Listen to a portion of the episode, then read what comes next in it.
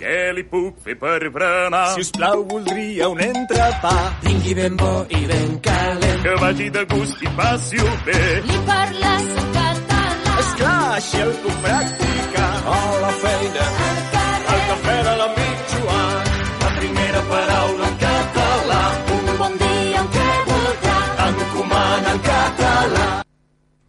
Hola, molt bon vespre a tots els oients de l'Encomana al Català. Tornem un dimarts més fins les 10 de la nit. Aquest programa dona a conèixer a través de notícies i debats la cultura catalana a través de la nostra llengua, del teatre, dels llibres, de la gastronomia, de l'esport català, de folklore i també de la nostra música. Si vols saber tot el que fem en aquest programa, entra al nostre Facebook posant Encomana al Català o al Twitter posant programa Encomana al Català. I si vols col·laborar amb nosaltres, envia'ns un correu a programa.encomanalcatalà arroba gmail.com Repeteixo, programa.encomanalcatalà arroba gmail.com Qui us està parlant és un servidor, en Guillem Garcia, i també tenim aquí ja a la taula per fer el nostre informatiu el Pep, com anem? Molt bé, Guillem. Un plaer estar com cada dimarts aquí a l'Encomana al Català. I tant, doncs avui en el programa parlarem, li farem un petit homenatge a l'Àngel Casas. Què has de dir de l'Àngel Casas? no, sí. trista pèrdua. Una d'aquelles veus que, almenys jo, des, tota la vida, no? des de que era petit, sempre l'havíem tingut allà com a referent de la comunicació, de la televisió a Catalunya i una llàstima a, a aquesta pèrdua. És, mm, També dir que recentment també ha mort un altre periodista, Jesús Quintero. sí, També... Je- Jesús Quintero el loco de la colina, li Sí, deien. i un Jesús Quintero, que no seguíem, si, si recordes, l'any passat, el company que teníem aquí, a l'Àlex, que feia uns programes que eren una mica eh, en homenatge a Jesús Quintero. Ell sempre deia que el Jesús Quintero era el seu, el seu mestre, ell intentava imitar-lo amb les entrevistes que, va, que feia aquí en el seu Recordo. programa, al, al, al Charles de Candela, i una mica el nostre homenatge des de Ràdio Trini Jove el, li vam fer l'any passat en tots aquests programes que, que va fer el- el- l'Àlex aquí amb nosaltres el, a la, temporada passada. I, tant, I també parlarem una mica de si s'ha de fer i ja ser real, que es parla molt però no s'acaba d'aplicar, la reforma horària en la televisió catalana, en la televisió pública de Catalunya i també en l'oci nocturn. Tu Bueno, què ho hem- diries?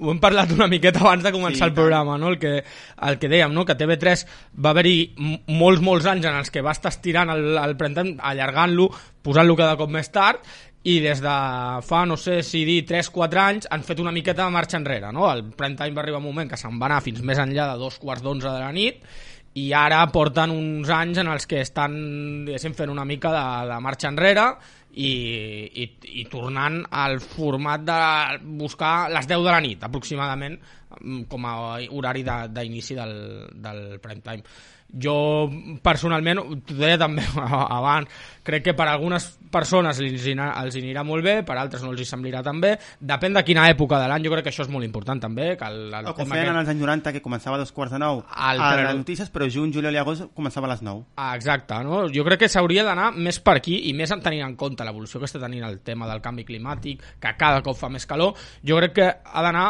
el tema molt així, no? que a l'hivern potser sí que podem tenir un horari més europeu, però a l'estiu, i més amb aquest estiu que hem tingut ara avui mateix, aquesta tarda fa molta calor també, I tant. A, a, a, aquí, per tant, mm, tot... Mm, També jo crec que el problema, i això també ho parlarem en el, la tertúlia que tinguem després, és els migdies que tenim. Els tenim uns migdies molt llargs. Perquè tu te'n vas a un altre país i que comença al matí, sí, pot començar a les 7-8 del matí.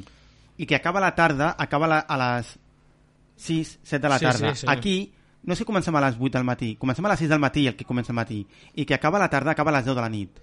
Clar, clar. Llavors hi ha un horari molt descompensat entre els que fan al matí i la tarda, llavors passa això. Mhm. Què és millor? Fer-ho tard pels que treballen a la tarda o, o d'hora pels que treballen al matí? S'ha Sí, descompensat el- l'horari. És el que dic, no? que és Ara difícil... més compensat, més, més unificat, sí, sí, més unificat amb un tipus I d'hora... no cal que al migdia hi hagin 3 hores per de descans. Bueno, jo ja et dic, per algunes persones preferiran una cosa, preferiran l'altra. Jo preferiria com un, com un intermig, no? Que, que, que es fes uns, uns mesos a l'any horari europeu, uns mesos a, a l'any, els de l'estiu, els que aquí realment tenim un clima molt diferent al de tota Europa, molt més càlid, una, el, el time més adaptat al de... I si et dic Òmnium Cultural, què et ve al cap? Eh, moltes coses, eh, molta història de- d'Òmnium Cultural, que potser és una, una entitat que en els últims mm, anys, amb el, tot el tema del procés d'independència, ha tingut com més presència, més mm, importància, se li ha donat eh, més transcendència a tot el que han opinat els seus dirigents, la seva directiva, però és una entitat amb, amb moltíssims Doncs també voldrem de- saber què pensen els nostres tertulians d'aquesta entitat i també què pensen, no sé si va seguir la manifestació d'aquest dissabte, les xiulades que va rebre l'entitat.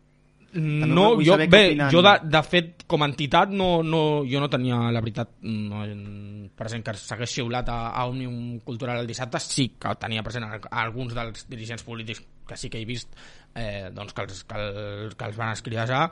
Mm, Jo amb això sí, jo sempre faig una crida en el sentit de quan una persona s'expressa en, en públic, com a mínim escoltar-la. A partir d'aquí, després, a posteriori, doncs cadascú pot opinar el que sigui sobre el que ha dit, no? però primer de tot escoltar-la, i això va per eh, ara això que ha passat amb Carme Forcadell, va per Ada Colau en el seu moment a les, a les festes de, de Gràcia, va per molts altres casos, els que siguin, de persones que van a un acte que Potser no cal que siguin Ah. polítics, també hi ha hagut altra gent que no és política que també se'ls ha xiulat en altres Exacte, quan, quan una persona va a- agafa un micròfon, no? està en un escenari i va expressar la seva opinió, com a mínim anem a escoltar el que diu i després I, ja... si, I si no, no vagis. Clar, clar, és que tu ja, normalment en aquests actes ja se sap no, qui parlarà, Exacte. i si tu hi ha una persona que no t'agrada el que dirà, és tan fàcil com mm, clar, eh, no anar-hi i ja està. Doncs, dit això, par parlarem de l'Àngel Casas, de la reforma horària en, te en televisió i oci nocturn i d'Òmnium Cultural. Dit això, comencem. Perfecte.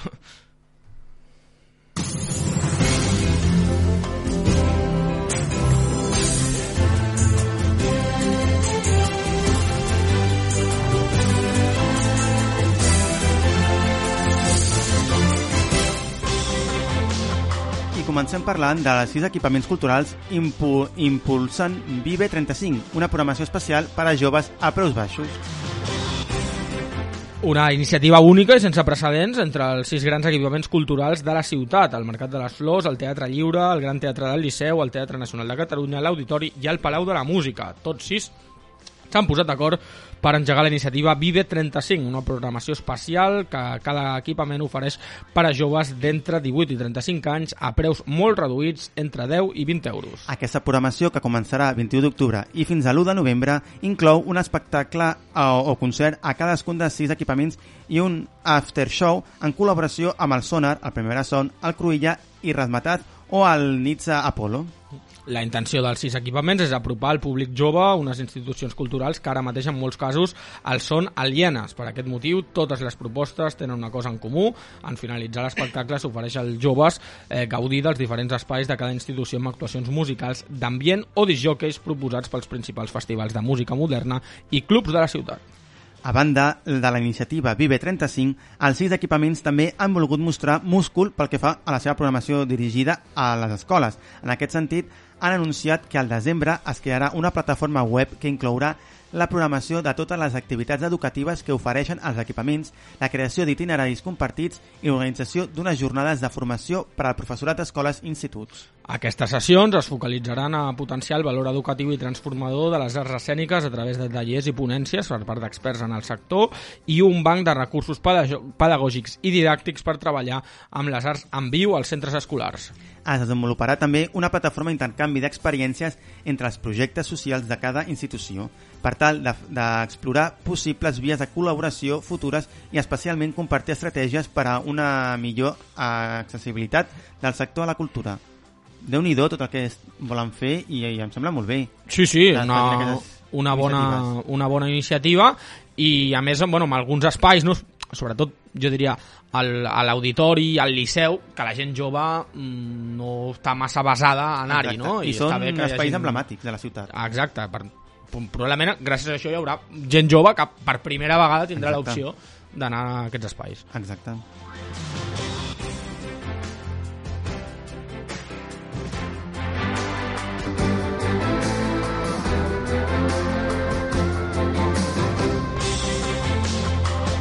I acabem amb castellers. Els castellers de la Vila de Gràcia guanyen la segona jornada del concurs de castells. Els castellers de la Vila de Gràcia han guanyat la segona jornada del eh, 28è concurs de castells amb el 3 de 8, 2 de 8F que han estrenat i 4 de 8. La colla ha obtingut 2.255 punts. Els marrecs de Sal han quedat segons després de descarregar el 4 de 8, el 3 de 8, el 9 de 7 i el 2 de 7. Els nens del Vendrell i els Segals d'Osona han empatat en tercera posició amb construccions de 7 i de 8. La Diada Castellera ha tingut 17 colles que han portat a la Tarraco Arena Plaça a Tarragona 60 construccions, de les quals només n'han caigut 4. A més, 13 de les agrupacions han fet els seus millors castells i han anat a màxims. L'organització del certamen ha celebrat el nivell de les colles i ha lluat la seva perseverança. Els castellers de la Vila de Gràcia han esclatat d'alegria quan han aixecat el 2 de 8 en folre que han treballat a la, a la descàrrega. És la primera vegada que, que fan la torre aquesta temporada. Els graciencs també han descarregat el 3 de 8 i el 4 de 8 en primera i tercera ronda. El seu cap de colla, Eduard Cecília, ha afirmat que totes les construccions que s'han vist al TAP mostren el bon estat de salut del món del casteller i diu, estic molt content, uh, hem fet la tripleta i tenim ganes de créixer, ha valorat. Els marrecs de Sal han necessitat 4 rondes per aconseguir els 1.940 punts que li han atorgat la segona posició. La colla ha aixecat el 4 de 8, el 3 de 8, el 9 de 7 i el 2 de 7. Els nens del Vendrell han descarregat el 4 de 8 de la primera ronda, el 2 de 7 a la segona i han tancat la seva actuació amb el 5 de 7. Han compartit puntuació 1.160 amb els segals d'Osona, els quals han descarregat eh, 4 rondes, el 5 de 7, 4 de 8 i 7 de 7 que han hagut de desmuntar en la tercera ronda i han acabat amb el 2 de 7. Després de 4 anys hem tornat a sentir la il·lusió i l'emoció del concurs. Ha destacat el director del concurs de Castells, Xavier González, que també ha agraït l'esforç i la feina feta de les colles per recuperar l'espectacle casteller més gran del món déu nhi tot, tota la feina que fan també els castellers. Sí, i, i per cert, lligat una mica amb els temes que parlem sempre aquí, amb els temes televisius, eh, el, aquesta dia de Castellera que es va poder seguir per la xarxa de televisions locals de, de Catalunya al matí en I directe, tant. en exclusiva, i a la tarda a TV3 en diferit eh, van tenir aquesta oportunitat, les televisions locals, de tenir en exclusiva aquest concurs de castells, i jo penso que és també una molt bona manera de promocionar aquestes televisions locals amb molt bona feina, amb molta gent implicada, especialment del, del canal, eh, si no dic malament, TAC 12, crec que es diu, sí, el canal tant, de, de Tarragona, eh, molta, molt, tota la, la gent, de, tots els professionals de les televisions locals volcades amb aquest concurs de castells, i jo eh, ho aplaudeixo. Doncs molt bé. Doncs res, Pep, moltes gràcies per un altre cop participar en aquest programa, en els informatius, i ens escoltem la setmana vinent, més i millor. De res, Guillem, un plaer com sempre per mi estar aquí al, al Comand del Català. Doncs fem una petita pausa i en seguida ja estem amb els nostres convidats que ja estan aquí a la taula esperant a debatre i a dir la seva i tornem en dos o tres minuts.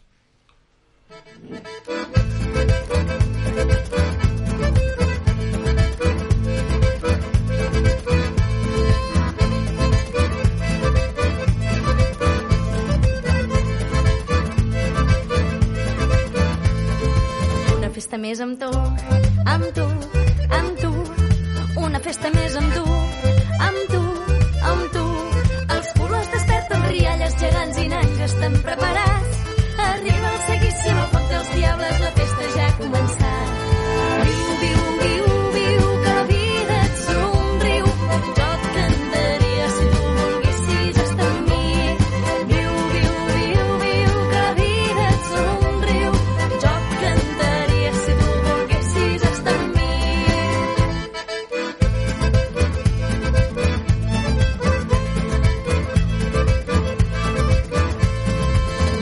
Ballar com tu, com tu, com tu.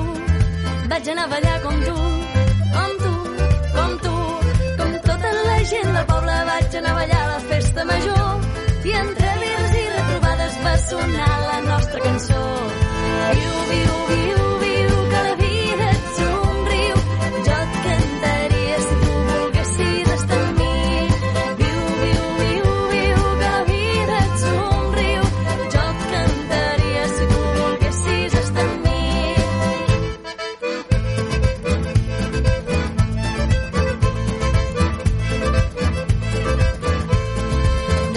nit amb tu, amb tu,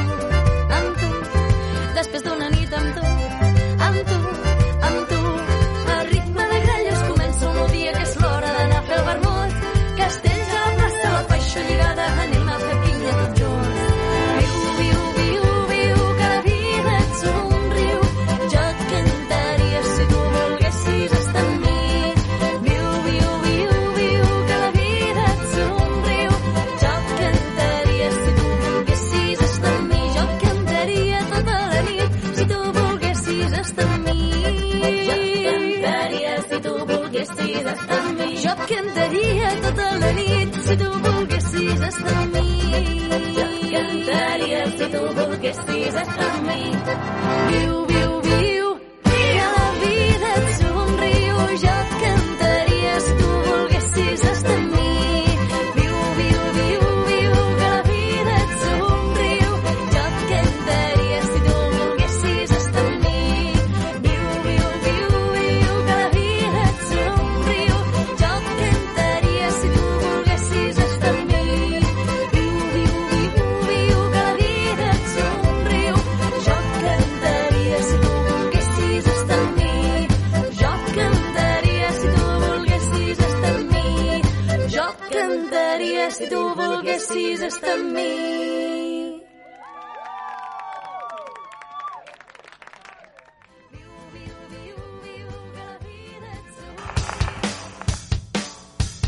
No et demano seguir amb la veta ni comprendre'm si no vols.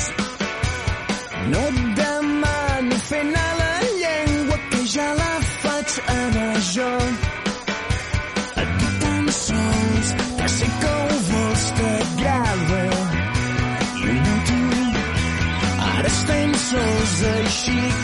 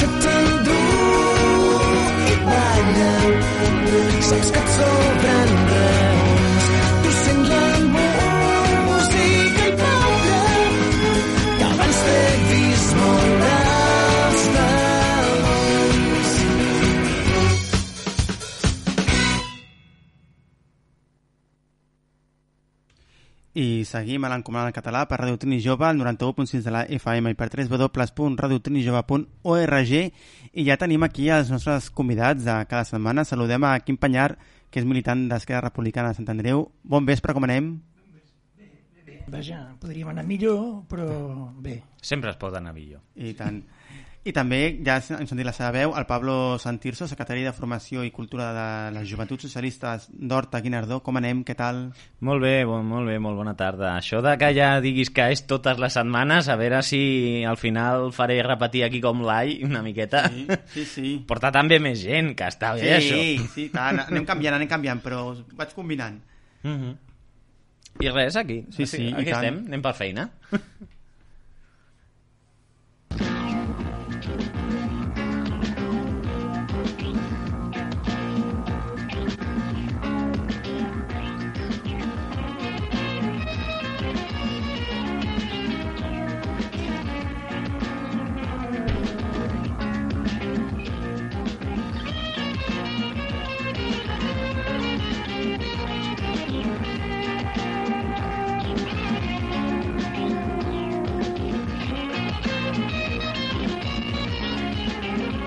Potser la gent més jove no sabrà què és aquesta sintonia, però exacte, és la sintonia de l'Àngel Casas Show, per una mala notícia, poso aquesta sintonia. Dissabte ens llevàvem amb la mort del periodista, el mític periodista català Àngel Casas, periodista de show i de música. Àngel Casas va ser un periodista crític musical i presentador de televisió català i va néixer al barri de Sants. Va debutar la seva carrera a Ràdio Joventut, d'on passar a Ràdio Barcelona, on es va mantenir la primera meitat de la dècada dels 70. Entre els programes que va presentar s'inclou Tortadiscos, que va obtenir un Premi Ondas al 1972. Ha treballat tant com a periodista musical com a programes de shows a 3 anys a Televisió Espanyola, 7 anys a TV3 i del 2008 al 2014 va ser director de BTV on tenia un programa propi. A partir del 2013 Casas va tenir problemes de, salut, de greus de salut i el 2020 se li va transplantar un ronyó i posteriorment va patir una malaltia circulatòria anomenada calcifilaxi a causa de la qual li varen amputar les dues cames. Malgrat tot, se'n va sortir prou bé i el 21 de juny del 21, o sigui, del 2021, Dia Internacional de la Música, va poder recollir el Premi Alicia que li va atorgar l'Acadèmia Catalana de la Música en reconeixement a la seva activitat en el camp del periodisme musical. déu nhi tot el que ha fet el periodista mític català de, de, l'Àngel Casas. Tant, i, però, I moltes més coses que les que poden sortir en un currículum, eh, que amb aquest currículum molt, molt, molt ben explicitat que tu citaves ara en aquest moment. I tant, ha sigut un resum, però sí. ha fet moltes més coses. Però què m'heu de dir? Què, què ha significat per vosaltres l'Àngel Casas? A veure, jo personalment no he pogut seguir cap dels programes en el que va participar o que era el principal director del, dels mateixos, el- el- l'Àngel Casas. De fet, ara que has comentat el tema aquest de l'enfermetat que tenia, l'altre dia vam parlar, estàvem amb el dubte a l'ovió una miqueta escatològic del tema si li van tallar una cama o dues. Al final semblava que dues, però bueno, això és indiferent. Um, però el que sí que tinc experiència sobretot de, de, del que em comentaven els meus pares o sigui eh, per, al background una mica tinc 28 anys lamentablement no vaig eh, viure caps dels eh, programes musicals que, que va dirigir l'Àngel Casas les vegades eh, en què he vist alguns fragments audiovisuals era sobretot perquè moltes vegades jo el que faig quan, quan no tinc res a escoltar em poso eh, en bucle els programes de cachitos de Jerry Cromo de la 2 mm, sí. que fa un gran treball en, en tema de meroteca i moltes vegades sortia la figura d'Àngel Casas i cada vegada que sortia era tota l'estona els meus pares alabant la seva figura perquè pel que sembla i tenint en compte la documentació audiovisual que teníem uh, va fer molt en quant al tema de la divulgació musical i sobretot del eh, portar el, el, molt del palmarès musical internacional de l'època a, a terres catalanes i a terres espanyoles per igual que és una cosa també que que realment hem de donar eh, és una cosa que hem d'agrair perquè fins, a, fins al seu moment no hi havia molts programes que tinguessin aquesta possibilitat d'arribar a... de que la, la música d'aquests eh, personatges tan famosos pogués arribar a, eh, a aquests territoris. Almenys o, o almenys eh, era massa pressupost que millor en aquestes circumstàncies no es podia però no sé ben bé com s'ho va fer perquè de nou no tinc coneixement de tota la història de l'Àngel Casas um, però, però és una, eh, va fer una feina titànica que és un, no n'hi ha una altra cosa que agrair, que mostrar respecte i des d'aquí, des de, des de Ràdio Trini Jove i des d'en Comandant el Català eh, demanem aquí les, les nostres consolències condolesc- eh, condolescències i, i molts ànims a la família de l'Àngel Casas i, i lamentem molt aquesta notícia Quim? Bé, en el meu, meu cas, com la, la meva joventut és molt dilatada, és a dir, fa molts i molts anys Ostres, que m'agrada aquesta, aquesta doncs, expressió. eh, jo sí que en tinc un record, eh, un record mm, directe i vívid, diguéssim, de, de l'Àngel Casas en molts aspectes, perquè eh, l'època de Musical Express, en fi, hi ha, evidentment hi ha una carrera dilatadíssima i potser el, el, el millor és que va saber posar, va saber donar a conèixer eh, la realitat d'una música que aleshores eh, molta gent pensava que era una música petiteta i de- que era la música que es feia aquí en el país, a Catalunya, i que, eh, que ell la, la, la sabia acompanyar, la sabia mostrar i després va saber portar altra, altra gent. Jo recordo, doncs, per exemple, una entrevista que va fer eh, el Pau Riba quan el Pau Riba era, era molt jovenet eh, i que va ser una, una entrevista fantàstica on el Pau Riba llavors era vaja, tota tot, eh, tot empenta i, i d'allò i explicava això no? que, que se n'enfotia de, la, de la cançó i També una, Sí, una eh, gran pèrdua, el Pau Ribas. evidentment, és, és, és una altra cosa que, que tenia clara pel, de nou per les coses que he escoltat sobretot eh, alguna vegada m'he de posar a veure activament algun dels seus programes però sí que és veritat que és una altra cosa que, que se li donava molt bé pel que, pel que tenia entès és que feia que els convidats que tenia sempre al programa eh, estiguessin super relaxats i donava eh, transmitia i, i radiava una confiança Sí. i no només això, sinó una comoditat dins eh, eh, tot l'ambient dels seus programes que feia que moltes vegades eh, doncs, moltes de les entrevistes que en uns altres àmbits millor doncs eren més formals o una cosa que millor sí, es responen les preguntes però tampoc és, és per rutina aquí en canvi era com que es de, deixava fer i semblava que, que sempre que, que endavant, que sempre estaven disposats els seus, els seus convidats. Sí, sí. és, és així, quan, quan ho vegis ho podràs certificar del tot. eh, evidentment, sí, sí, la cosa anava per aquí. I hi ha molts aspectes, no? Eh, L'aspecte aquest de, doncs de donar a conèixer la música que es, que es feia tant aquí com a la resta de, de, del món, i després hi ha un, un, un programa que probablement tots és el que més podem recordar, que era l'Àngel Casas Show, que que era aquí on va portar gent gent de fora, en fi, a grans actors, Rod Hudson, i va, va, va, tenir una col·lecció de- d'entrevistes absolutament eh, d'allò, absolutament eh, increïbles, i, i que va posar una mica el que era llavors TV3, que hi havia la, que era els principis de TV3, que podia caure o bé amb una, amb una televisió doncs allò de una mica de- d'espardenya i poca cosa més a, a ser una te- televisió realment eh, important Tothom Eh. recorda el programa Àngels Casa Show i no ha sigut el programa d'ell que més ha durat. Va durar no, 4 anys. no, no, sí, sí Però Home, va ser mític. clar, clar, clar, sí, sí i tant. Perquè el programa que... Ara no recordo els anys, però el programa que va fer a BTV va durar molts més anys. Sí, sí, sí, sí, sí. Sí, sí, eh, ens passa sempre... Eh, vaja, és- és molt més fàcil parlar d'algú quan ha mort Sí. que, que, que quan, quan és viu, no? En el cas de l'Àngel Casas, eh, fins i tot amb, amb aquest aspecte ha sigut una mica la- l'excepció, perquè fa, fa no gaire, fa poc, poc, Sí. poc més d'un any, a TV3 es va fer un, un programa, homenatge, un un homenatge que, que que, que el va enganxar en vida, perquè Sí. aquí en general I va poder, ah, homenatgem estar- eh, els que s'han mort perquè ja sabem que ja, mira, ja, ja no xerraran més, no?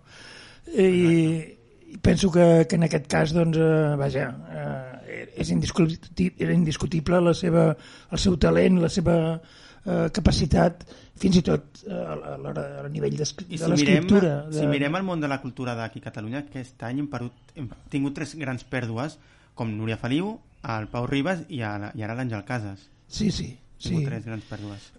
sí, probablement d'altres que no coneixem, perquè, clar, les, les pèrdues hi són sempre, És que, Sí. és i que, després depèn sí, sí. de, de, de això, de, doncs de la, la fama, diguéssim, no? I la fama Exacte, sempre és, exacte. és un producte molt, molt, Sí, molt misteriós. sí, clar, sí. clar, és que lamentablement que això també és una cosa que que a vegades eh, dona una mica de ràbia, que és que la gent es mor.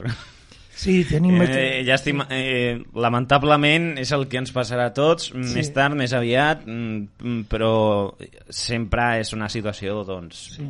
trista, sobretot Sí. si és, són personatges que, en, que imagino que en el teu cas i en el cas de la generació dels meus pares o tal, han significat, a lo millor, una bona part de la història audiovisual Sí. de, de la seva vida i és una cosa que crida bastant atenció. Clar, clar. I a més a més en aquest aspecte, no? que era una cosa que sempre esperaves amb ganes perquè sempre sabies que et sorprendria, que t'interessaria, que era una cosa que, que ell eh, dominava perfectíssimament, no? ho feia mm. molt i molt bé, molt. Sí, sí. I ara, abans de canviar de tema, mm, digueu unes paraules d'acomiadament per l'Àngel Casas. Doncs eh, això, eh, les meves condolències a tota la família i espero que puguin agafar forces d'aquesta lamentable notícia i que no es preocupin que si una altra cosa, no? però segurament a la història de la, de la ràdio i la televisió de Catalunya formarà part permanent de la història de, de, de les diferents cadenes i de, i de la comunicació aquí a Catalunya i a la resta d'Espanya també. Home, jo, per sort, eh, doncs segur que ell no esperava pas unes paraules de- d'homenatge per part meva, perquè no sabia ni que existia, però, eh, vaja, jo voldria doncs, dir això. Eh, es cal celebrar que, que l'hem tingut, que l'hem conegut i que s'ha donat a conèixer. I això és el que cal celebrar, evidentment. Eh? I, I tant. i bueno, en aquest sentit doncs, eh, l'Àngel Casas doncs, representarà sempre doncs, això, el record d'una feina que feia molt ben feta que sabia fer molt bé i d'uns coneixements també eh, jo, jo us animaria a que el conegueu com a escriptor perquè, També. perquè També. eh, en aquesta última època doncs, havia escrit diverses coses que, que estaven molt i molt bé I a més, amb la seva pròpia personalitat. Que tenia. uh, sí, sí, evidentment clar. Doncs canviem de, de tema i abans de dir el per què parlem d'aquest tema, que ja ho hem dit amb, una mica amb l'informatiu, si, amb poques paraules, vull que em digueu, si us dic Òmnium Cultural, què us ve al cap? Sí, jo, jo ho sento, és que no... A veure, sent de, del partit que sóc, doncs puc dir que rebuig o, o desinterès. doncs mal fet perquè es tracta d'una entitat cultural que té 61 any de vida exactament igual que jo i que, perdona Soc, soc conscient, soc conscient, però tenint en compte el tipus de discurs, doncs s'ha d'entendre una miqueta la, D'acord, dit la meva això. situació inicial. Dic, dit això, per què parlem d'Òmnium Cultural? No sé si heu seguit la manifestació que es va fer aquest dissabte sí. a l'Arc de Triomf per homenatge dels 5 anys de l'1 d'octubre que a, més enllà de la, dels aplaudiments que van haver-hi i les xiulades que van haver-hi una de les xiulades va ser a Òmnium Cultural, a l'entitat a l'entitat Òmnium Cultural. Va parlar el, Xavier el Antic. Xavier Antic, el seu president, i va ser rebutjat. O sigui, per què creieu que, que va ser rebutjat? Vivim en una Catalunya crispada? Això de fa temps, això de fa temps, lamentablement. Però, Però jo... per què a Òmnium? Per què es va escriure a Òmnium? Per què és, és una bona pregunta llàstima que aquí no hi hagi ningú que pugui respondre-la perquè jo no la... No, Algú, no, ah, podria haver-hi algú que el, que el va xiular. Ah, que eh, digués. no, algú, o algú Home, algun dels xiulagers, no? Sí, en plan sí. de, sí, sí, jo ho vaig Sí. fer perquè d'això. No, seria més interessant algun representant d'Òmnium o alguna cosa clar, semblant. eh, seria interessant saber per què. A a mi em dóna la impressió que hi ha un sector eh, que, que se, se li ha aparegut la verge i eh, ha tingut, eh, es- es veu il·luminat i, i bueno, em dóna la impressió que, que també se li fondran els ploms eh, eh, ben aviat en, el senti en No, aquest sentit en aquest sentit de quan, quan un presumeix de tenir la veritat i a més a més eh, la, li arrossega el, el, va bé el cas d'en de, de, Xavi Antic però també el de la Carme Forcadell Exacte. que, que havia estat cap, eh, la, la, la, primera eh, diguéssim capdavantera de, de, de l'Assemblea Nacional i que la, la van xiular. I la van xiular perquè, és, perquè està a esquerra. Eh, eh, bueno, és, és, és realment eh, és una llàstima que haguem arribat a, aquest, a aquests I el que nivells. dius tu, a més, han xiulat una entitat que porta 60 anys ja d'història. 61 60 Per, mira, Sí, però sí que és, eh, sí que és veritat eh, això, i, i ja ho sento si, si ha sonat una mica fort per la meva part, però eh, jo trobo que aquesta reacció, que no l'aprovo, perquè a veure, les coses han de fer amb una miqueta de respecte, ja saps que sóc eh, respect man, saps? O sigui, l'home del respecte. Um, però trobo so- sobretot per això que estem dient de que crec que molta gent quan parlàvem de la qüestió independentista moltes vegades vinculava molts dels moviments relacionats amb l'avanç o el retrocés, independentment de, de cadascun dels moviments, més que en partits polítics, en entitats estil, doncs això, l'Assemblea Nacional, tema Òmnium o coses d'aquestes. I encara que sí que és veritat que és una entitat cultural, el que és el discurs independentista ha cobert molt bona part del catàleg de, de promoció i de, i de campanyes eh, en les que ha col·laborat Òmnium Cultural, perquè, diguem-ne, que volien ser més papistes que el papa, o sigui, no tenen cap tipus de representació en, en qüestió parlamentària, mm, però igualment volien eh, imposar uns criteris dins d'un govern en el qual no podien participar. No estic d'acord. No estic d'acord perquè eh, mai s'ha presentat Òmnium Cultural, evidentment, i no forma part del... Eh, ni mai no es presentarà a unes eleccions. Són llenguatges diferents, el dels partits polítics i el de les entitats No, no, socials per- o culturals. no, no, sí, això- Completament d'acord. I en aquest sentit, eh, Òmnium Cultural és evident i no, no s'ha mirat d'amagar de cap de les maneres. Eh, és evident que és una entitat que és favorable a l'autodeterminació No, no, i no, i favorable tant. a, a la independència. Són dues coses diferents. L'autodeterminació vol dir que siguem capaços, com deia el teu partit fa, fa uns quants anys, eh? I, i, i, i, i ho deia, però seriosament, l'autodeterminació és el fet de poder decidir i votar i decidir. Això és l'autodeterminació. L'independ- L'independentisme és una altra cosa. Eh? És, és la, la, la, la, la voluntat de votar sí. Eh? Vols la independència? Sí. Jo la, eh, M'entens? Però, però eh, del que es tracta és de, de que hem de poder arribar doncs, a això, eh, a, a ser prou civilitzats com per, per decidir-ho de la manera més raonable. Aquesta, aquesta part és una part de la debada que evidentment, que, que, que evidentment és una cosa que s'ha de comentar sempre i tal, però no ho vull portar per aquest sentit. Vull dir que quan la gent a lo millor moltes vegades en comptes de buscar solucions o reclamar qüestions en referència a l'avançament de les qüestions de l'autodeterminació, de la independència o semblants, en comptes de buscar eh, solucions i, i, i comentar-les i afavorir, diguem-ne, o a recolzar-se en els partits que són els encarregats moltes vegades de moure aquest tipus de d'avançaments i de canvis, es ficaven més eh, dins, eh, o sigui, totes aquestes opinions, totes aquestes eh, idees, a lo millor estaven més ficades en la qüestió d'Òmnium i diguem-ne que a lo millor creaven una imatge més de, de recolzament del, del moviment independentista que no el d'això. Que no, el d'això... Eh, eh, que no el, el, que, que no Esquerra, que no, o que no Junts o coses d'així. No vull dir que sigui veritat. És, una, és només una teoria que tinc, que pot ser fallida. Però el que estic dient és això, que jo trobo que les xiulades és perquè a lo millor molta de la gent que per, va participar en aquesta manifestació i tal, quan va inter, intervenir Òmnium, després de la situació d'escrispació que estem vivint actualment i moltes vegades com d'inactivitat, tant per un costat com per l'altre, perquè és una cosa...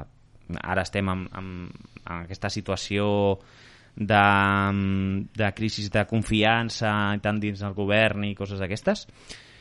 Um, trobo que el que ho van fer sobretot perquè eh, s'han sentit traïts per aquestes entitats perquè trobaven, com el que estic dient més confiança o, o a lo millor més força dins aquestes eh, d'aquestes entitats que eren bastant més beligerants o més cridaneres en, en quant al missatge de la independència i l'autodeterminació. No sé si fins a quin punt això pot ser veritat o no, però és una teoria que m'ha vingut al cap. Bueno, doncs, eh, enhorabona per, perquè també t'hagi vingut al cap una, aquesta teoria, em sembla està, està molt bé, però penso que mm, les coses van per una altra banda, per desgràcia, en, en aquest sentit, el sentit doncs, de que em dóna la impressió que justament una de les riqueses que hi ha hagut durant aquests cinc anys, eh, recorda que, que, que fa cinc anys, el, el dia 1 d'octubre celebràvem això, eh? Mhm. fa cinc anys eh, van aparèixer eh, eh, com es diu ara, urnes per, de, de, d'on no, no se sap ben bé d'on, però van aparèixer i la gent va votar. Dos milions i pico de persones van votar, de les quals 170.000 70 persones van votar que no. Eh? Sí, bueno, però, però això no, es va recollir en cap tipus de cens oficial. Ah, no, clar. I, i el cens oficial va, va ser que van portar la gent que ho havia organitzat a la presó i, i que aquí van aplicar el 155 No, i I, que, i, que, i que, perdona, el, el, el Partit Socialista Obrer Espanyol va, va dir que sí al 155 eh? I, i, Es veu que perquè no es va pactar en el seu moment ni es van establir cap tipus de norma en quant a tema no, de diàleg de, no és, de, no és de, cert. de, de, Ara, ja, de referents. Feia, de feia anys que, que s'hi anava al darrere. I, i a, a, a part del tema un- d'unilateralitat, eh, que a mi em sembla que va ser un bon moment per fer-ho i la prova va ser doncs, el, suport que va tenir a nivell, a nivell popular, eh, eh, jo, jo vaig estar a Bon Pastor.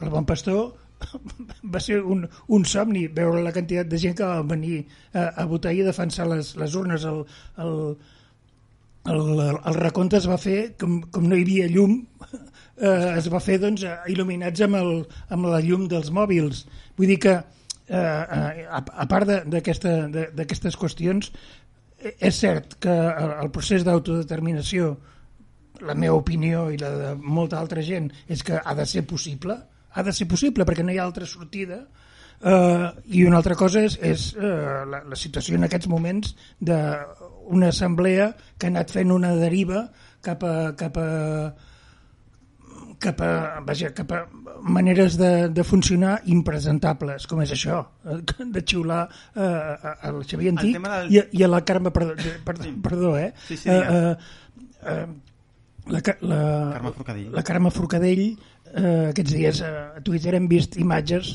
doncs d'un acte, perdó, eh, on que estava amb el- amb el- amb l'antic eh, Sí, sí, alcalde ho he- de... ho he vist, ho he vist. Ho has vist. Doncs, Sí, eh, i la, el la, que- Car- la Carme For- Forcadell demanava a la gent que, sisplau, que no xiulessin a, a, a, a, a, a l'exalcalde de, de Lleida, perquè per més que ell, ell no estigués d'acord, que, no, que no és manera. La, eh, es tracta de eh, decidir les coses civilitzadament.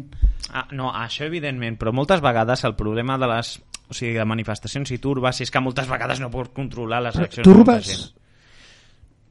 És una paraula, És una paraula. Mala, ma, mal escollida, ho sento molt. Vull dir en el sentit de grans quantitats de gent eh, manifestant-se. Moltes vegades és que no, no pots controlar Per les, exemple, les ara, reaccions. parlant dels xiulets, un pot ser independentista i dir, ostres, és de la, de la meva corda. O al revés, un pot ser un unista i dir, ostres, és de la, de la meva corda.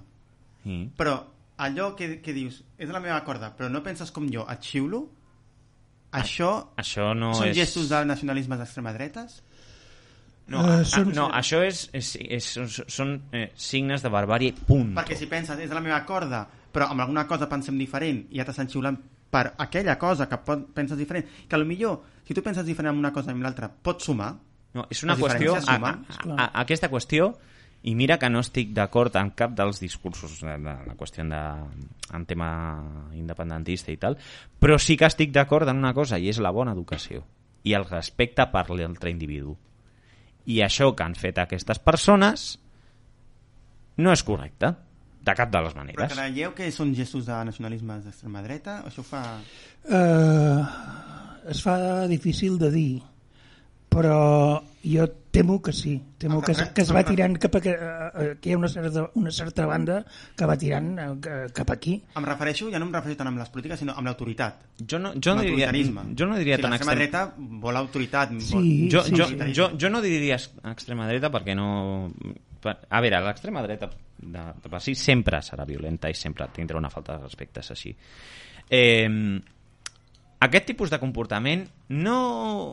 Perquè n'hi hagi comportaments violents, això no vol dir que siguin extremistes. Normalment, quan hi ha una reacció d'aquest tipus, ve desencadenada per alguna qüestió. I en aquest cas jo trobo que és per situació de frustració. Que les persones que, moltes, que anaven a les manifestacions se sentien frustrades, se sentien decebudes, i per això aquesta, Sí, aquestes reaccions. Sí, sí, sí. El que, amb això estic d'acord, eh? eh el, el problema, eh, eh, aviam, tu pots sentir decebut, però a més a més eh, no, no, no, és solament, no és solament el fet d'estar de, decebut, sinó de uh, estàs decebut uh, i, i hi ha una certa, una certa gent que t'empeny mm. uh, a estar decebut i a manifestar-ho d'una certa manera. Clar, és, que... és, és evident que, que uh, escolta'm, uh, aquí hi ha gent que s'ha estat 4 anys a la presó eh? Uh, i per, per tirar endavant un, un procés democràtic sí, però... que, que, que que a més a més eh, eh, vaja, és discutible que, que legalment eh, no es pogués fer és dis, més que discutible el que em sembla realment un problema molt greu és això, és que hi hagi una banda, una part del moviment que vagi per aquesta, per aquesta onda en aquests moments. No, és que, és, que eh, la, és, és el que he dit abans. Tu, en una mobilització tan gran, no pots controlar la reacció de moltes persones. I tenint en compte aquesta eh, sensació que he comentat de crispació, que pot ser més general o, o no, o més particular, mm. en alguns sectors que pot ser minoritaris però fan molt de soroll, mm -hmm N'hi ha situacions en què la crispació es pot manifestar de maneres poc ortodoxes i aquesta va ser una manifestació molt poc ortodoxa i sí, bastant sí. de falta de respecte. Sí, absolutament. Amb això estic totalment d'acord, evidentment. Òmnium s'ho mereix, aquest tracte? Jo crec que de cap manera. No s'ho mereix ningú independentment dels seus ideals o el que sigui, evidentment, si et dediques a dir mmm, quiero, queremos matar abuelitas aquí por la calle cuando lleguem al poder. Oye, en aquest cas, doncs, si els cridos una mica no passarà res. Però quan estem parlant d'idees que serveixin per eh, la convivència, el progrés i coses semblants, encara que no estiguis d'acord, tu has de respectar aquesta opinió d'altra persona. No t'has de posar com un energúmeno, perdó, per aquí al, castell, al castellanisme, eh, a, a cridar perquè no, este, no estàs d'acord. És que és una qüestió de, de, de, sim, de, de simple educació bàsica que és el que s'ha d'ensenyar des de ben petit. Si no, és que no saps eh, conviure entre altres éssers humans. Punto pelota. Sí, sí. I hi ha, hi ha un fet que, és, eh, que penso que poder en parlem poc darrerament, que és el, la, la idea de democràcia, que precisament Exacte. parteix d'aquest fet, del fet de, de, de respectar aquest, tot, tot, sobretot tot, tot aquell que no pensa com tu. Sí, el, eh? I després el... hi ha una manera de, de prendre les decisions ja, col·lectivament, clar, que és clar. amb la papereta i votant. És que el problema moltes vegades el que tenim, sobretot en, tant, tant aquí a Catalunya com a la resta de l'estat espanyol, que és que quan parlem de democràcia, la democràcia actualment, el concepte que n'hi ha, és que moltes vegades ens referim a ella i parlem d'ella com si fos un partit de futbol o com si fos una sèrie. En el moment en què el Pablo Iglesias li va donar un pack de DVDs de, de Joc de Trons a, al rei Felipe jo em vaig quedar com no, Vale? Eh, és, és, és un pas enrere. O sigui, què vull dir amb això? No, no juga el joc de trons el rei Felipe? ja, o sigui, jo vull dir, vull dir que el que agaf mm, durant, en el moment de l'estrena de la sèrie moltes vegades el que moltes vegades la gent confonia erròniament com qüestions polítiques una cosa que és bàsicament és una novel·la Rio, és una telenovela bàsicament, i es va quedar la imatge de que la democràcia real, la manera correcta d'actuar en qüestions polítiques és la que es presenten en programes com eh, Juego de Tronos o, o Joc de Trons o House of Cards, quan la realitat moltes vegades, ja ho sento molt, és una sèrie a lo millor més avorrida, és com Borgen una sèrie molt bona que jo personalment us recomano, sí, està sí, molt no, bé. L'he vista, vista. I lamentablement la vida política moltes vegades ve més per allà que no per l'altre costat. I per què? Sí. per què? Perquè ens agrada el pique, ens agrada aquí el salseo, ens agrada aquí um, el malmeter.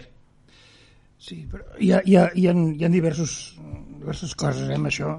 Hi ha l'existència d'un mitjà bueno, mitjà, no sé si és la, la paraula, que, com una cosa com, com Twitter, doncs bueno, una mica bueno, com, com, no, no entrem allà, que com, aquest com la, uf, a mi em recorda quan, això, com la, la, porta de, la part de dintre de les portes dels lavabos quan jo era jove, Ai, sí. que la gent escrivia allà eh, Mm. eh, Jo, llavors, jo, allà, jo estic de professor ara a l'escola industrial i a vegades vaig al lavabo, encara es fa encara es això, fa eh? això. encara es fa doncs, això. eh, doncs no, els, hi- no els hi parlis de Twitter que pintin a, a, a l'interior de la porta del vàter Ostres, seria més a, útil a més tot. eh, Hi ha perfumats gent per que la... té lletra molt bonica, eh? Ah, Sí, no, no. Vull dir que, que escriguin a la porta del vàter perfumats pel seu propi, eh, els seus això propis mateix, efluvis. Això mateix. És que no sé, trobo Que- que, és un, un ambient bastant tòxic i no ha fet més que crispar més Sí, l'ambient i afavorir més aquesta Sí. idea de política i de, Sí. sí. de com es considera la gent la democràcia com funciona quan en realitat és una cosa molt distinta. Quina relació teniu amb l'entitat? Més enllà de... Si, no, no em refereixo només a si sou socis o no, eh? em refereixo a l'entitat en, en el sentit, no només aquests 5 anys, amb els 61 anys. Quina relació teniu o com us veieu amb l'entitat? Jo és que de fet pensava, i ja ho sento molt per la meva ignorància, perquè una persona ha de saber quan no sap una cosa i quan no, uh, que Òmnium va créixer com a entitat plenament dedicada a la qüestió de l'autodeterminació i, la i la independència. No, Òmnium va néixer per la cultura i la llengua catalana. I en aquest sentit no connecten les iniciatives fora del camp relacionat amb l'autodeterminació i tal, així que no puc comentar molt des d'aquest sentit. Bé, vaja, uh, Òmnium va néixer una mica més tard que jo. uh, es va fundar l'any 61, uh, el, no, no recordo ara si va ser el setembre, l'octubre, en fi. Sí. Uh, I ha tingut sempre aquesta trajectòria, diguéssim, de, de donar importància al tema cultural, el tema, evidentment, doncs, de, de l'idioma, del català i de l'escriptura, de l'edició de llibres, dels premis en, literaris. eh, editorials eh, i, i musicals, etc etc. Evidentment, en, en aquesta darrera, tam, eh, aquest darrers anys també s'hi ha posat molt fort en el tema d'autodeterminació. L'11 de juliol es va fundar. El 11 de juliol. 11 de juliol, veus? Eh, eh, jo vaig néixer el, un mes abans. Soc eh, això, un mes més gran que Òmnium. Però s'ha dedicat sobretot a, a, a aquest tipus de temes i en el moment en què neix eh, aquesta, eh, comença a néixer tot, tot, tota aquesta falera, diguéssim, de, de dir, escolta'm, hem de tenir dret a decidir, eh? Doncs eh, s'hi han posat molt, molt, molt fort i a més a més jo, jo penso que estan fent molt bona feina, francament. A veure, això ja és una, eh, són coses que mm, de, mm, jo que no estic eh, a, a favor tant del tema de la, de la independència no puc dir si no trobo si, no puc comentar si realment estan bé, fent bona feina o no perquè estic en posició diguem-ne contrària. Però el que trobo que està passant de fet és que el que s'hagi imposat tant a foc amb aquest tema i que hagi ofuscat altra part de la feina que hagin fet durant aquests 60 anys no trobeu a lo millor que va en detriment de la pròpia entitat? Perquè a, lo millor hi ha iniciatives que són molt interessants. I de fet, eh, com ja comentem moltes vegades en el tema de, la, de les iniciatives de la Joventut Socialista i del Partit Socialista, que és que mm, en cap moment volem reprendre cap qüestió, cap qüestió en tema de cultura catalana i és qüestió de convivència. Que s'hagi fet que, que aquesta entitat s'hagi centrat tant en, en el seu discurs i no faci tant de bombo de les seves iniciatives culturals a lo millor pot de, desdibuixar una miqueta el seu concepte inicial d'entitat cultural i a lo millor passa a, tornar-se una altra cosa si segueix pel aquest camí, no sé. Home, jo penso que, que recordant el que has eh, començat per dir, que no coneixies molt bé la, la, la, la feina que fan, doncs probablement eh, aquesta opinió teva tingui a veure amb això, amb el fet de que no coneixes bé, eh, del tot la feina que, que fan. Evidentment, en els darrers temps, eh, eh, diguéssim, mediàticament eh, ocupen un primer lloc amb, amb, amb, aquesta, amb aquesta qüestió de, de, de l'autodeterminació però evidentment fan moltes, moltes altres coses, moltes. I a més a més molt interessants en el sentit de que, de que hi ha una gran distribució doncs, de petits grups de, per, a Sant Andreu, eh, en fi, que fan també activitats culturals, en fi, I, i, i, i actes locals també. i actes locals, sí, sí, sí, sí. Sí, sí, no, no, es, es fa molt bona feina i més molt en positiu, en aquest sentit. Molt en positiu en, des del punt de vista que no, no rebutgen el que di, ningú pugui plantejar o dir, sinó I, de, I deies que fan actes també locals, amb, amb escriptors locals, però també fan actes a vegades per enfortir la llengua amb acció cultural del País Valencià i obra cultural balear. Sí, sí, sí, sí. sí, sí. sí. Què us sembla aquesta unió? També és, és bona. A mi, eh, clar, des del meu punt de vista, és, eh, evidentment, ho, ho ha de ser pel, pel tema de la llengua, simplement, eh? De, de donar, en fi, d'enfortir una llengua que, que, que té aquest, aquest àmbit geogràfic, eh? que és eh, Catalunya, País Valencià i les Illes Balears. Balears. I, en fi, penso que sí, que és una feina que és important i que, probablement si no s'hagués fet eh, probablement estaria pitjor del que estem que, que continuem estant no gaire bé A veure, si, eh, tota iniciativa que serveixi per a mantenir viva una qüestió tan important com pot ser la llengua, jo moltes vegades ho he dit, és, sempre estarà bé en qualsevol tipus de context. I per anar acabant la secció, què li diríeu a aquella gent que xiula permanentment? Què Ostres. Tornem a les xiulades. Ostres, que es faran mal a les orelles, eh? Però, bueno, vaja eh, els diria lloros vaja, els lloros eh, fins i tot arriben a parlar Mm. És que va sortir una... a la- A la, ho dic perquè va sortir una a la televisió que li van preguntar, això que et fiquen al micròfon, no? a les manifestacions, per què xiula? Perquè xiulen els, els amics. sí, és un, bueno, vaja, en, en, Es- es- en aquest es- cas es esta mente colmena, la mentalidad de grupo, así, eh, la, la, la presión de grupo, aquestes coses. No, i que, a veure, una de les eh, coses que fa el periodisme és això, no? És eh, portar l'anècdota personal Sí, sí. A, a un terreny col·lectiu. I Sí, és una això, anècdota, però- Eh, és una, Clar, és una anècdota... Però que em fa gràcia que la gent que- que hi ha gent que té- donaran més èmfasi... Bueno, però ell feia referència a una cosa que l'has vista per Sí, em, televisió. em fa gràcia, em va fer gràcia. Vull dir que no ho van tallar. No, però clar, hi ha gent que xiula, per, ja et diu el motiu, Sí. però hi ha gent que, que xiula perquè xiula del costat, o qui diu xiular diu altres coses. Sí, hi ha sí, gent que fa sí. les coses perquè ho fan del costat. Sí, sí. Mm, sí Bé, sí. en aquest cas, tan, bueno, per, per, la meva opinió, per desgràcia, no, no era tan simple com això, sinó que hi havia una voluntat explícita doncs, de- de- d'anar a fer mal, que, que en fi, anar a fer mal, doncs això, la, en fi, hi ha gent que no, jo crec que no s'ho mereixen. Doncs més enllà de l'entitat, no, d'Òmnium Cultural, esperem que la llengua i la cultura estigui ben viva i no es xiuli, que no s'hagi que s'hagi xiulat només a l'entitat i no a la llengua i la cultura. Xiular només per, can, per, per xiular una cançó. Exacte. I ja està. només en aquest context, vale? Sí. Ja està. Home, i evidentment respectant la llibertat d'expressió eh, eh, eh, probablement hi hagi gent que pugui pensar escolta'm, tenen tot el dret a xiular evidentment, Ah, i tant, I, i tant. i ells tenen el dret a xiular i nosaltres aquí tenim el dret d'opinar eh, Que el que ha fet és- exacte, és- i vull dir que,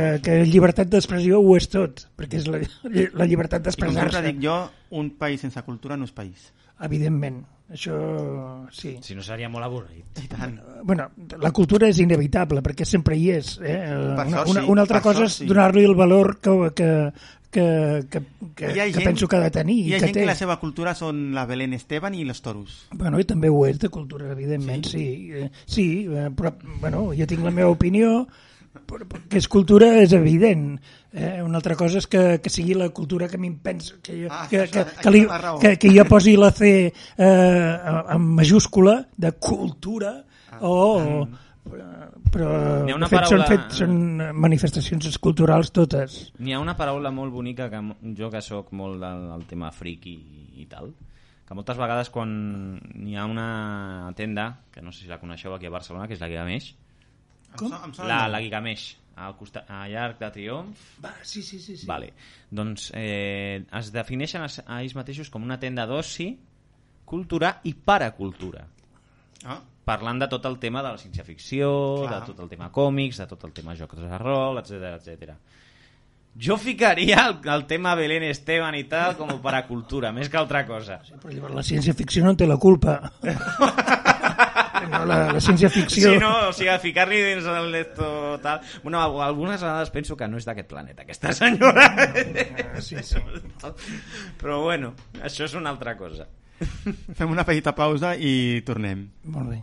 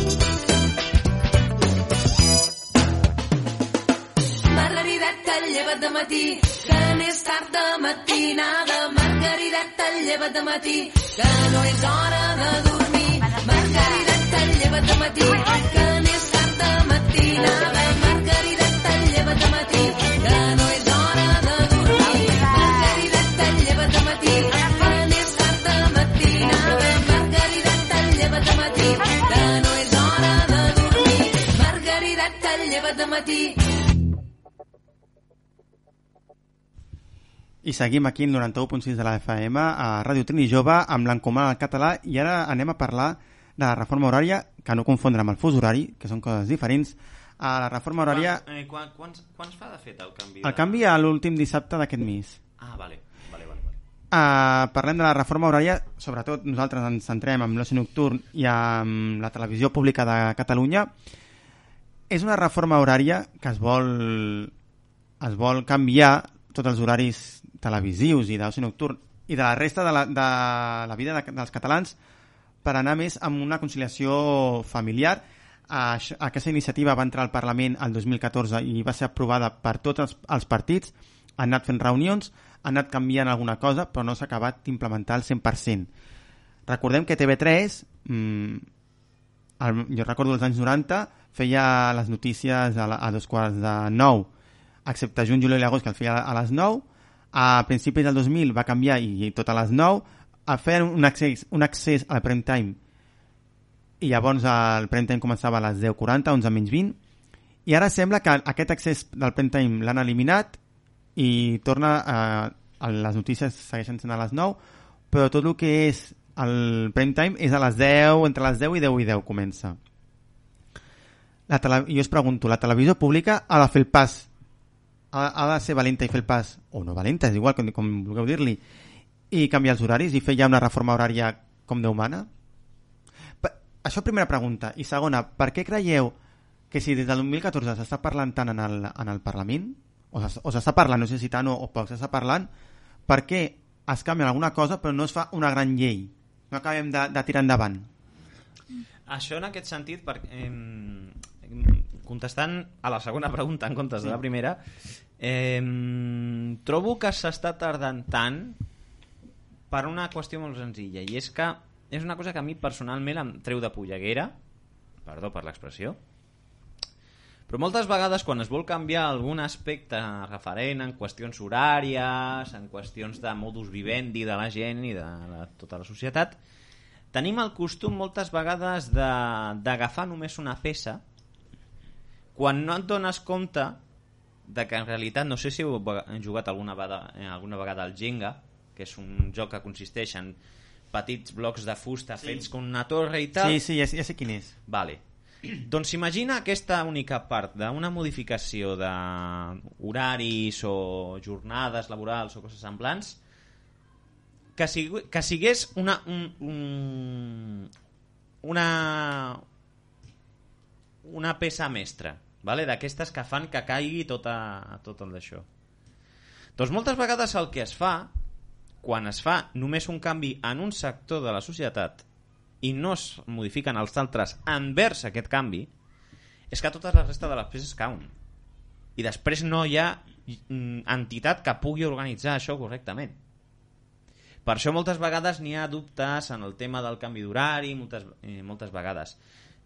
A veure que per mi és genial si es fa un canvi d'horari en aquest sentit perquè sigui més aviat i hi hagi una millor convivència familiar, això evident. Però si fem això també hem de fer unes altres coses. Reduïm potser la jornada laboral a la vegada que també tractem de, de pujar els sous.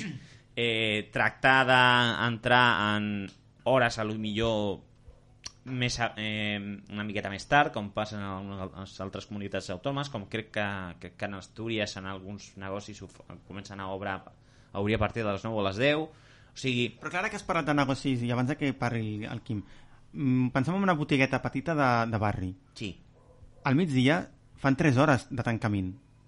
Potser no cal canviar l'horari del matí, sinó canviar l'horari de tancament de migdia. I potser s'acabaria abans, l'horari de tarda.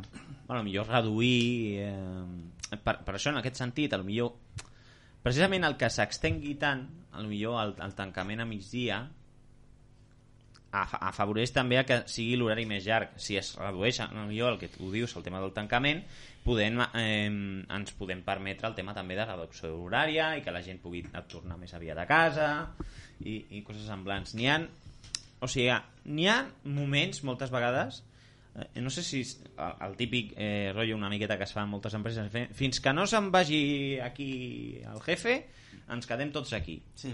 doncs, i moltes vegades el jefe doncs, es va a unes hores que no per què? perquè s'estira molt el temps com un xicle i s'ha d'intentar millor condensar més les hores que sí que potser els descansos seran més curts però si són uns descansos molt ben establerts i molt ben marcats i amb, evidentment amb el marge suficient perquè la gent pugui descansar adequadament vale? o sigui, no, ni paus, no estem parlant de pauses de, per dinar de mitja hora ni res o sigui, la gent no dina eh, en 30 minuts i si ho fa no sortirà molt bé vale? vull dir que si volem fer aquests tipus de canvis en qüestions horàries i de convivència, tractem la resta de les coses també. És important, perquè és que si no n'hi ha un des una descompensació i un guirigai que això després no hi ha persona que, que ho pugui portar endavant. No, no, és evident que, que és, és, és així, és a dir, la, la manera de funcionar pel que fa als horaris d'una determinada societat ve, vaja, ve, ve determinada per, per moltes coses i moltes coses alhora, no? I evidentment hi ha, vull dir, pots fer una llei pots eh, intentar doncs, això que la televisió pública de, del país doncs, vagi fent petits canvis però la, la, es tracta de, de condicionar tota la societat i això és una cosa que, que s'ha d'anar fent a poc a poc i... Però que parlàvem de la televisió, la televisió pública, ja no parlarem de les privades, almenys de les, Sí, sí. de les públiques. Uh, ara, ara se'm sent. Sí. Que dic que no parlem de, la, de, que parlem de televisions, no parlem de les televisions privades, però la televisió pública ha de fer el pas i fer aquest gran canvi, perquè sí que han fet un petit canvi, que és treure l'accés al prime time, i ja no comença a les, a les 10.40 al prime time, que comença a les 10, o a les 10 i 10, més o menys, entre aquella franja, però és un petit canvi. Creieu que ha de, ha de fer el pas i fer-ho de cop? De nou, el que estic dient, si el resta d'elements no fan aquest canvi, l'única cosa que serà és en detriment de sí, la però cadena. potser si, potser si algú no fa el canvi, potser els altres tampoc. No, és evident, i a més a més, per exemple, doncs la, els horaris de televisió condicionen d'alguna manera eh, molt els horaris de, la, de, de casa, de les famílies, no? Clar. Probablement, eh, des d'aquest punt de vista, sí que es poden fer coses, i a més a més, com deies abans tu, eh, que, que s'han fet ja. Això, Sí. tu parlaves doncs, de, de, de quan les notícies començaven a les 8 i mitja i a l'estiu doncs, s'allargava més tard, etc. I penso que evidentment es poden fer coses i s'han de fer coses així, però sempre pa- partint d'això de que no, no, no serà fer un, un, eh, Clar. un clic i, i canviar-ho tot. I a sinó TV3 encara perquè els programes que fan no es fan tan llargs, però tu mires, per exemple, la televisió espanyola, que és, que és una altra pública, i acaben els programes a, la- una. Sí, sí, sí. Quan a la una mm, tu te'n vas al reste dels països europeus i dius que un, te'n vas a dormir a la una perquè estàs veient la televisió i es fiquen les mans al cap. Ja, Sí, sí, sí. ja, però és que, però és que de nou, si només canvies l'horari a la televisió, però l'horari teu de treball se, eh, segueix sent el mateix, que millor arribes a casa a les 11 i pico de la nit, que està el programa segurament a mig fer, o a lo millor a tres quarts ja, ja que s'està emitint, què faràs? Li dius, escolta, uh, escolti Clar, senyor, que, que ani- eh, sortiré una hora i pico més, eh, més aviat que comença lo Happy Day. Sí, però és el que parlàvem abans amb micro tancat, no? I els que es lleven a les 6 del matí? També. O sigui, per què prioritzes els que pleguen a les 10 de la nit i no els que comencen a les 6? És a dir, jo torno a dir, parlo de dels migdies. Vas a altres països i, clar, no tenir migdies més llargs, potser comencen a les 8 del matí els que treballen al matí i acaben a les 7 de la tarda els que treballen a la tarda. Aquí, en canvi, en aquest país, comencem abans, fins i tot, perquè a les 6 del matí ja n'hi ha els polígons eh, i altres fàbriques i tot que ja comencen, però els que acaben més tard acaben a les 10 de la nit. Llavors, no hi ha un ordre. O sigui, estàs fent un migdies molt llarg estàs fent que el que matini, matina molt i el que acabi tard acaba molt tard. Mira, per exemple, eh, en aquest cas, eh, amb el tema d'horaris de botigues i així, sobretot aquí als barris, ho veus, no?, que moltes botigues fan, obren, obren potser a les 9 del matí i tanquen a la una i mitja, Sí. sí. quarts de dues, i després obren a les 4 i mitja o les 5 Sí, de la tarda. i les 8. Sí. De nou però a clar, vuit estan però oberts. És que la, la, la, probablement eh, les mateixes botigues desitjarien obrir més d'hora eh, per la, a migdia i poder plegar abans, no? Però clar, les botigues també estan condicionades per l'horari que fa la gent, no? És a dir, eh, si aquí a la Trinitat o Sant Andreu o on sigui, doncs hi ha una botiga petita, doncs eh, mirarà d'adaptar el seu horari eh, a la quantitat de gent que hi ha pel que corre pel carrer, no? Vull dir, eh, és, és, un, és un tema eh, complex que penso que s'hi ha d'anar s'hi ha, ha tirant cap aquí i des, de, eh, per, des del meu punt de vista doncs, eh, en el cas de TV3 penso que sí que s'hauria de- d'anar intentant. I crec que s'intenta però de vegades sense gaire èxit perquè les coses van com van i, i en fi, per exemple hi un programa que veig eh, molt habitualment és el Més 324 Sí. el Més 324 doncs comença cap a les 10 cap a quarts, eh, quarts de 12 Quasi bé dues hores. Sí, és una hora i mitja, vaja, sí, però, no, però em refereixo a això, que ja comença, eh, comença mm, tard, diguéssim, comença a les 10, un quart d'onze, i, i vaja, de- després el repeteixen a TV3, Sí. no? En fi, jo penso, penso que caldria anar tirant cap aquí, però que, que és un tema complex, que no és simplement el fet No, no, de, ah. de dir, i, doncs mira, ara serà així, no? Perquè... No, no, no, o sigui, sí, o sigui, la idea de fons... És que és, el problema moltes vegades és aquest. La idea rere fons és més que correcta i va, i va molt bé i, i ens aniria molt bé al conjunt de la societat perquè aga- agafaríem costums, jo diria que més sants i més profitosos per nosaltres. però la cosa és que no es gestiona bé. Ja no només la reforma horària com a, com a horaris en si, sinó la conciliació familiar. Si tu tens família, tens fills... Clar, els teus fills acaben les escoles a dos quarts de cinc, entre les dos quarts de cinc i les cinc. I tu potser estàs treballant fins a les vuit. Mm -hmm. Què fas? No pots veure el teu fill, perquè el teu fill se'n va dormir d'hora perquè a les 9 ja està, està al col·legi. Mhm. És complicat. Sí, sí, és evident eh, que, que sí, sí, hi ha molta gent que té problemes d'horaris en aquest sentit que tu dius, no? Evident. I, i clar, la gent s'ha d'adaptar pues, com pot. Sí. I amb l'oci nocturn, com ho, ve, com ho veieu que l'oci nocturn estigui fins a les 5 de la, de la matinada? Encara s'enfada, encara hi ha coses obertes fins Sí, a... ha tornat, ha tornat. Bu- Bueno, a veure... Més enllà, com a també- persona que acaba de tornar d'un dissabte que s'ha passat a l'arena fins a les 5 i mitja, 6 de la matinada, mm, puntualment, eh? Jo normalment me'n vaig a les 3 o les 4. Com a molt. Però, mira, va, m'ho estava passant. Ja no només parlem de la, de la vida de la persona que va de festa ja, i se'n va a dormir a les 6 de la, de la matinada, sinó dels veïns, que ja, se'n van soroll evidentment, fins les evidentment, de la nit. evidentment, evidentment. Sí, si sí. és que, si és que de nou, moltes vegades, és que totes les coses, tots aquests canvis, si es, portes, si es portessin bé, mm, portarien moltes coses bones. I, o sigui, i, I en el cas, per exemple, del respecte dels veïns a la qüestió de soroll, també és importantíssim això, perquè ni en vaga, en moltes vegades estem pecant eh, s'està pecant últimament que en sectors concrets de la, de la ciutat, en determinats barris, sempre per la naturalesa d'aquests tipus de barris, ja poden ser prop de Poble Nou o a, la, o a prop de la, de part de pues, això, Marina, Arena, tots, aqu totes aquestes eh, el Porto, eh, la, la Vila Olímpica tots aquests sectors que tenen una vida nocturna molt rica a la vegada també suposen un mal de cap constant pels veïns. Sí. i això moltes vegades té a veure amb aquesta extensió de l'horari si aconseguíssim fer tots aquests altres canvis juntament amb aquest canvi horari de l'oci nocturn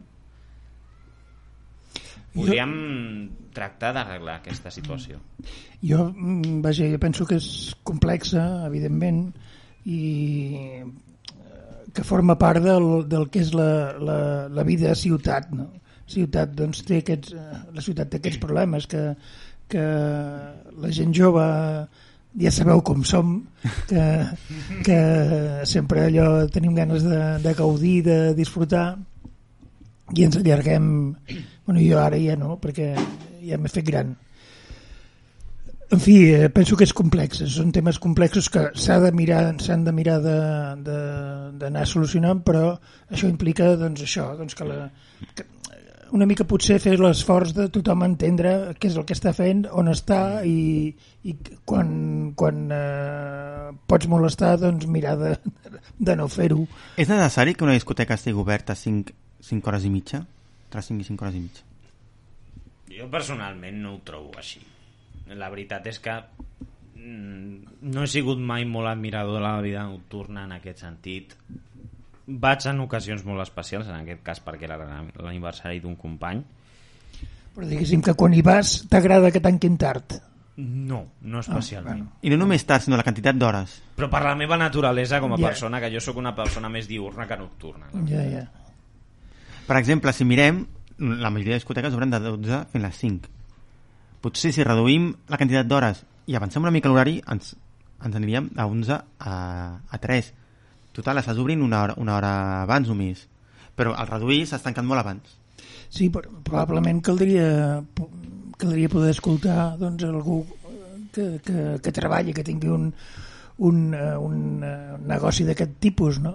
A Sí. mi em sembla que sí, evidentment. Sí, a mi, és- em sembla que sí, Mira, però... Eh, Has, has tret un punt important perquè moltes vegades el que es peca en aquest tipus de canvis relacionats amb, millor amb negocis en sector privat o que tenen que veure amb, amb oci, cultura i totes aquestes coses que moltes vegades tracten d'oferir en, en el major temps possible aquestes, aquests, aquestes activitats lúdiques moltes vegades com diem, vale, doncs fins aquí però no contemplen la gent que hi ha darrere organitzant-ho tot. O sigui, moltes vegades quan tractem de fer algun canvi relacionat amb, els nostres estil, amb el nostre estil de vida o amb la nostra forma de, de consumir serveis i negocis i coses semblants, no tractem amb gent dedicada dins d'aquests sectors i aquests negocis. Clar. Us posaré l'exemple perquè, perquè aquí la gent es pensi que sóc partidista. No, perquè n'hi ha aquí algunes coses, evidentment, que, que són discutibles. Uh, actualment s'està treballant en, la, en aquesta nova llei d'influencers i, Sí. i qüestions de, de creadors de contingut i coses semblants.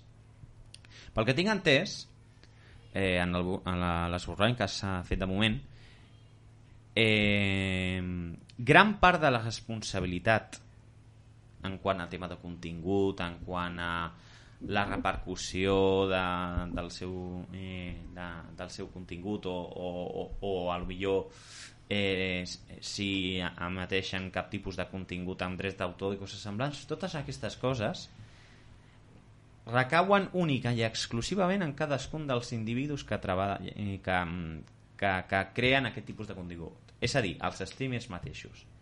Quan en realitat aquest tipus de coses són coses que s'hauria de treballar que es dediquessin les entitats organitzadores. Clar, estem parlant d'un pifostió una miqueta important perquè estem parlant de, de dirigir-nos amb YouTube o amb Amazon o, o gent d'aquest tipus que són titans i difícil ho tenim per, per Doncs ara que, mm, que estem parlant no, del tema dels horaris nocturns, de l'horari nocturn, i precisament formeu part de partits polítics, els principals partits polítics de Catalunya, podem dir, perquè sou la primera, segona força, i ara venen eleccions municipals. Mhm. I us veig molt d'acord amb, amb això. Ho podríeu apuntar-ho per posar-ho en el programa electoral. O debatre-ho per Sí, jo ja ho tinc apuntat, Sempre n'hi ha possibilitat de consens. evidentment, O sigui, sí. Sí, sí. Que, Una, no, una que, cosa... que, que no tenim aquí els guants de boxa eh, esperant aquí, aquí No, home, a no, qualsevol Que ara que venen eleccions No, municipals s'ha d'aprofitar. Parlant Digues. de- parlant d'això que parlàvem, d'horaris Sí. sí. i tal, hi ha, hi ha un eh, hi ha un, eh, un aspecte doncs, que sí que s'ha canviat els horaris i funciona la mar de bé, és en el, en el cas del teatre. La, Ah, sí. Els horaris de, de teatre han avançat. Abans Sí. eh, començaven a les 10 de la nit les funcions nocturnes i ara comencen a les 8, eh, 8 i mitja... Fins i tot fins al cap, al cap de setmana hi ha sessions, una sessió abans que és a les 6. Sí, sí, sí, sí, sí. Sí, perquè la, el, en fi, eh, també hi ha eh, això, no, el, el fer diverses funcions... I tu eh, precisament que t'has dedicat en aquest món, Mm. què et sembla aquest avançament? trobo que està molt bé, trobo que està molt bé, eh, perquè perquè, eh, vaja, en aquesta direcció que, del que parlàvem, no? Vull dir, eh, semblava que, que, vaja, si no anaves a les 10, doncs no podia, vaja, no podia ser i, i bueno, ho han intentat i ho han aconseguit. Els teatres continuen eh, omplint-se o no omplint-se. Eh, No, no, que s'omplin, que s'omplin. No, no, evidentment que s'omplin, però vull dir que, que, que no... Si, si ells haguessin registrat doncs, que, que portaven menys gent el fet de, de començar abans, doncs probablement s'ho haguessin replantejat. Exacte. Però en aquest cas eh, no, és, és molt millor per tothom. Clar, perquè n'hi ha molta gent a lo millor que vol anar vol anar-hi al teatre, Sí. és, és una cosa que de fet em dona molta ràbia el tema de no consumir tant de teatre, Mhm. que és una cosa que a mi m'agrada, Sí. Però moltes vegades és era això també el tema de l'horari, que després s'acaba tard, que després has de co- coordinar-te per agafar bé aquí el transport públic, perquè és que si no et tanquen, i després has d'agafar el Sí, bus sí. nocturn, i, és, Sí, sí. i cadascú passa a l'hora que passa. És tot un conjunt. Mhm. I, i que ho hagin fet així, que vagi Sí, treballant sí. a poc a poc, està bé. És una miqueta com, per resumir-ho bé, que segurament no ens ho demanis ara, Sí. és en plan de... En comptes d'anar amb serrutxo, anem amb bisturí, Sí, vale? Prenem-nos les coses amb calma. sí, exacte. Doncs, digues, digues, Depèn, Quim. depèn del que s'hagi de tallar. Home, no, clar, o sigui, vull dir... No, ja, ja, mirava de fer broma. Sí. Sense, sense gaire èxit. Doncs, com deies, Sí, evidentment, sí, no, no sé. entenc. ara ja estem a la recta final del programa i acabem aquest encomanat al català i com has dit tu bé, Pablo, vull que feu un anàlisi de tot el que s'ha parlat avui. Un petit resum, anàlisi... Ha sigut un Així- programa eh, vari, bastant, bastant ric en contingut. Sí, S'ha ets- parlat una mica de tot. trobo que, que tinc molta raó en tot el que he dit. Ah, No, una pregunta. em fa- Jo, jo, Però això és confiança, eh? Això està molt bé. Sí, home, és que Ja, ja desitjaria jo tenir la que tu tens. és, és, és el psicòleg que m'ho diu, el psicòleg que, que abans, diu, de la, abans del resum, us vull fer una pregunta. Les xiulades han de ser també en reforma horària? També, sí, s'ha de xiular més d'hora. Sí, sí. Sí, sí. El resum, va, comencem. Doncs això, una mica... Moltes vegades repeteixo el mateix missatge. Les coses amb calma, les coses amb respecte, i si es fa amb intenció realment de voler canviar les coses a millor, n'hi ha temps de sobre. I si no som nosaltres, ja ho farà la següent, si fem bé la feina. Bé, doncs, això ara mirava, repassava aquí el, una mica el, el guió previ i amb això hem, hem, hem recordat la figura d'Àngel Casas que, que penso que vaja que, que to- tocava fer-ho hem parlat d'òmnium cultural i de les escridassades, xiulades, etc etc. i hem acabat doncs, parlant de, de reformes horàries i, i bueno, però això, això suposo que ho sabeu perquè ho heu escoltat Sí, no? I que És una miqueta... m'imagino que Sí, sí, sí. No, no, està bé, està bé, està bé. Doncs moltes gràcies, Pablo, per participar en aquest programa. Ens escoltem en futurs programes. A veure, a veure. I moltes gràcies, Quim, per participar en aquest programa. També ens, ens escoltem en futurs programes. molt bé, gràcies I nosaltres, mm, segui, la ràdio Trini Jove segueix, segueix en el 91.6 de la FM per www.radiotenijove.org i nosaltres marxem ja una setmana més i ens retrobem dimarts vinent. Que vagi bé. Adéu-siau.